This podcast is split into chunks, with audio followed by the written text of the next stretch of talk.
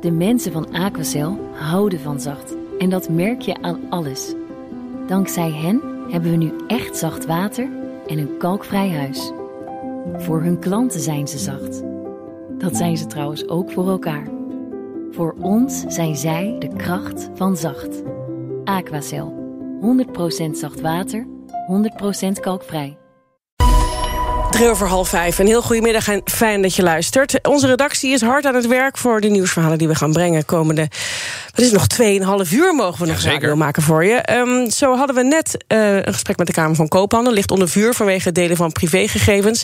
Daarbij zaten ook gegevens van politici. En nu is ook bekend dat uh, er ook namen zijn van uh, bankbestuurders. Die, wiens informatie op straat ligt. Zo schrijft het FD. Ik lees even mee met het artikel dat ik net geopend heb. Um, het gaat om privé adressen van ING-CEO Steven van Rijswijk... Rabo-topman Wiebe Draaier en ABN AMRO's bestuursvoorzitter Robert Zwaak. Deze gegevens zijn dus onrechtmatig verstrekt aan die voormalige advocaat... waar het allemaal om draait. Zometeen om vijf uur spreken we D66-Kamerlid Lisa van Ginneke erover. Zij wil opheldering over deze zaak. Verder verwachten we rond zes uur een statement van president Biden... na afloop van de G7-top. Nou, veel landen, waaronder natuurlijk Nederland... willen langer de tijd om mensen uit Kabul te evacueren. We verwachten dat Biden daar iets over gaat zeggen... Ja, zodra er nieuws is, zodra hij zijn mond open doet... dan hoor je dat natuurlijk bij ons. Ja, dan is er nog meer nieuws, namelijk de Onderzoeksraad voor Veiligheid. Die neemt het onderzoek van Peter R. de Vries over... en kijkt ook naar de beveiliging. En op nadrukkelijk verzoek van de familie van Peter R. de Vries is dat gebeurd. Verbreedt de demissionair minister Grappenhaus van Justitie... het onderzoek dus naar de beveiliging. En dan is er ook nog de formatie. Zo, goeiedag. Ik kan daar helemaal niks over zeggen. We hebben echt een heel goed gesprek gehad. En, uh, dat, dat is precies waar. Ja, fijne dag. Ja, Rutte, zoals we hem kennen, opgewekt. Maar of daar reden voor is, dat vertelt Sofie ons om half zes. En ook nu gaan we het over de formatie hebben. Ja, want terwijl PvdA-leider Ploemen de deur plat loopt... bij informateur Mariette Hamer... zal zij zich ook druk maken om haar achterban. Zaterdag is de politieke ledenraad van de PvdA. Formatie is het hoofdonderwerp. De ledenraad kan niets afdwingen... maar wel een zwaarwegend advies uitbrengen. PvdA-corrivé en oud-minister Ad Melkert, een heel goedemiddag. Goedemiddag. Uh, bent u erbij zaterdag? Het is, het is, het is geloof ik digitaal, hè? Ja, ik, maar ik hou me een beetje op afstand van het partij, van de partijdiscussie in verband met andere functies die ik op dit moment bekleed. Maar ik volg het natuurlijk wel met uh, grote belangstelling. Ja, waarom houdt u zich een beetje op afstand vanwege de functies die u op dit moment bekleedt? Nou, als voorzitter van de Nederlandse Vereniging van Ziekenhuizen en lid van de Raad van State ben je niet direct met uh, partijpolitiek uh, bezig. Maar je be ik betaal wel mijn contributie. Ja. Dus daar moet ik wel blijven opletten. u, u logt dus wel in?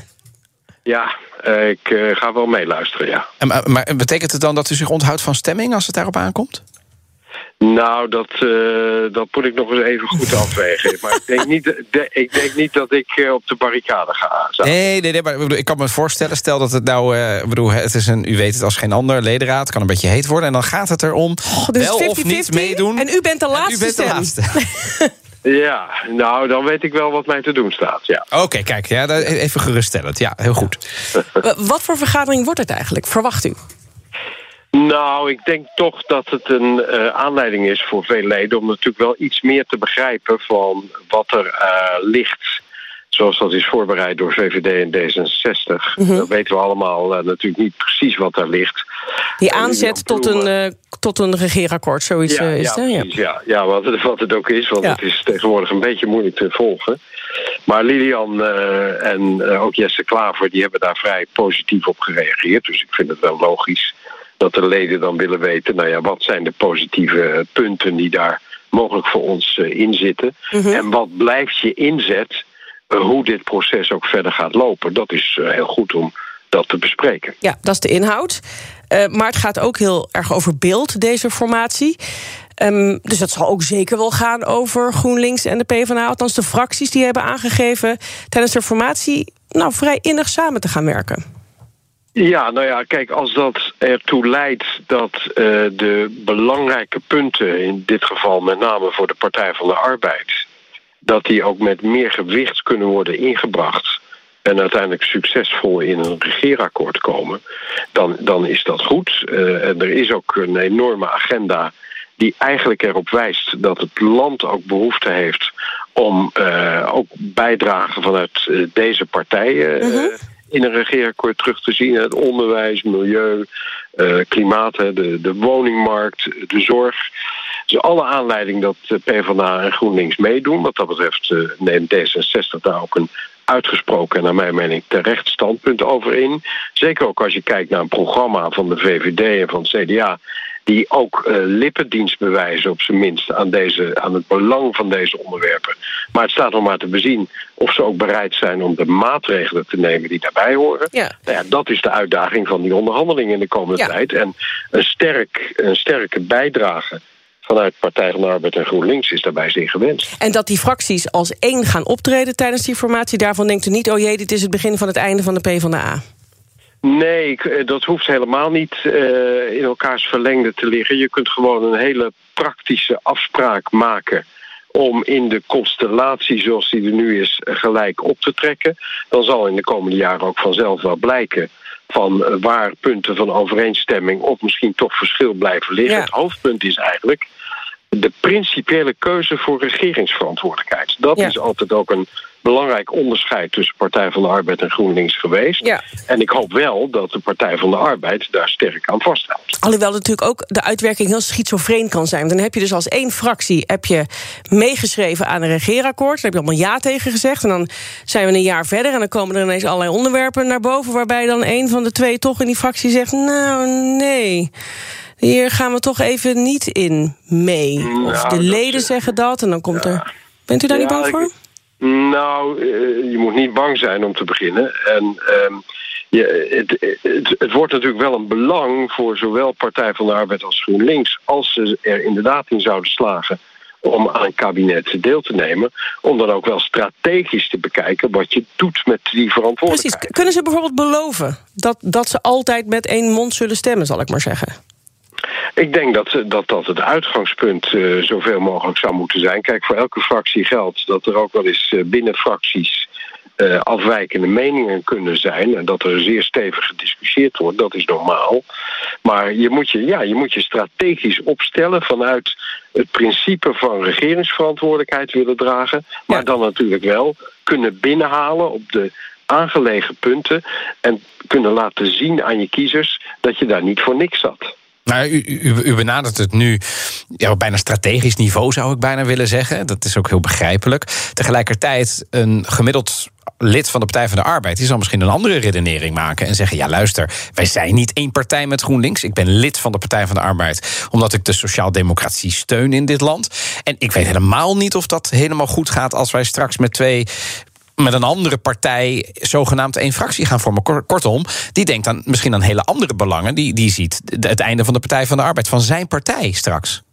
Ja, maar uiteindelijk is een partij natuurlijk geen doel op zichzelf. Een partij is een beweging, is een, is een, uh, een ja, mechanisme om zoveel mogelijk gedaan te krijgen van wat je als als doel, als ideaal voor ogen staat. Oh ja. en, en, zo, en zolang dat ook met en door zo'n samenwerking, hoe die er ook verder uit gaat zien, wordt uh, bevorderd, ja. is er alle reden, ook voor die leden, om te zeggen van nou ja, dat, daar gaan we ook de leiding op aanspreken. Maar denkt u en dat nodig op afrekenen. Ja, en denkt u dan dat met GroenLinks dezelfde belangrijke punten hè, op de inhoud binnengehaald kunnen worden die voor de PvdA en de Sociaaldemocratie zo belangrijk zijn dan? Nou, ik denk als je kijkt ook naar de afgelopen jaren... naar wat er vanuit de oppositiebanken... door GroenLinks en Partij van de Arbeid naar voren is gebracht... dan, zit daar wel, uh, heel, dan zijn er heel veel raakvlakken... Of, en zelfs punten van grote overeenstemming. En ik denk dat als je dat afzet tegen wat we vooral ook in, in de programma's van VVD en CDA toch eigenlijk sterker zou moeten zijn. Mhm. Onderwijs, woningmarkt, klimaat, zorg. Dan uh, is er wel alle reden om te zeggen, als je die zetels bij elkaar optelt, dat je dan sterker staat in onderhandelingen. Binnen een kabinet, in de Kamer enzovoorts. E, even terug naar die, naar die ledenraad van aanstaande zaterdag. Waarschijnlijk zal daar een voorstel besproken worden om als PvdA niet in een kabinet met de VVD van Rutte te stappen. Vindt u daarvan? Ja, dat zou ik zeer onverstandig vinden. In de eerste plaats uh, is er uh, nog niet eens onderhandeld. Dus je zou wel zeggen, voordat de onderhandelingen beginnen... voordat je weet wat eruit komt, dat je zegt, dat doen we niet. In de tweede plaats kom je dan in een positie terecht... die ik mij nog kan herinneren uit de jaren zeventig. Het spijt me dat het even geleden is. Maar toen was een van de voorlopers van GroenLinks, de politieke partij Radicale, waar ik toen lid van was, die was toen eerst onderdeel uh, van het kabinet Den Uyl. Toen brak dat kabinet op een manoeuvre vanuit het CDA. En toen werd gezegd: wij willen nooit meer met het CDA regeren. Sindsdien zitten dus al die GroenLinks-partijen in de oppositie. Ja.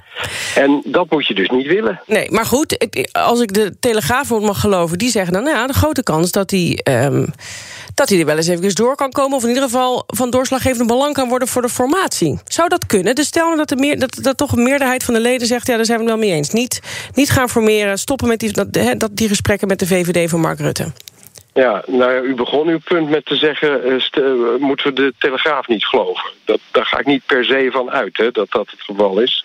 Nou, dus sowieso niet in deze tijd is het altijd lastig wie lekt wat en waarom. Dus daarom houden we altijd de slag om de arm. Verder zijn volgens mij de collega's van de politieke afdeling van de Telegraaf... altijd wel vrij, vrij goed bezig, dacht ik. Maar, maar stel nou, laten we even spelen met de gedachte... Dat, het, dat, die, dat de meerderheid van de leden zegt, we willen het niet. Wat, wat, wat kan Ploemen dan nog? Want ze hoeft het natuurlijk niet. Ze hoeft er niks mee. Het is geen bindend advies. Maar toch, ja, als, als je achterban niet meedoet, ja. Nou, het begint, het begint echt met de vraag of de leden uh, gewoon vertrouwen uitspreken in de wijze van Lilian Ploemen en uh, de fractie om haar heen dat tot nu toe hebben gedaan. En zij heeft eigenlijk consequent, ook in de communicatie naar de achterban, aangegeven: op deze punten zetten we in.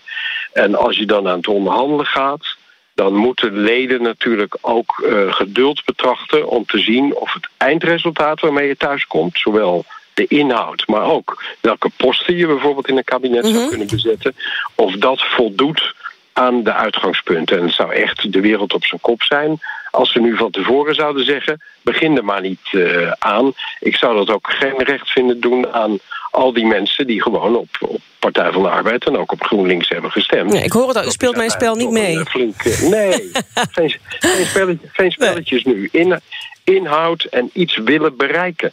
En dat is moeilijk genoeg in een parlement waar natuurlijk toch ook uh, ja, behoorlijk. Uh, nogal wat rechtse krachten zitten, ook rechts van de VVD, ja. die die VVD naar die kant willen trekken. Ja, daar zit het land niet op te wachten.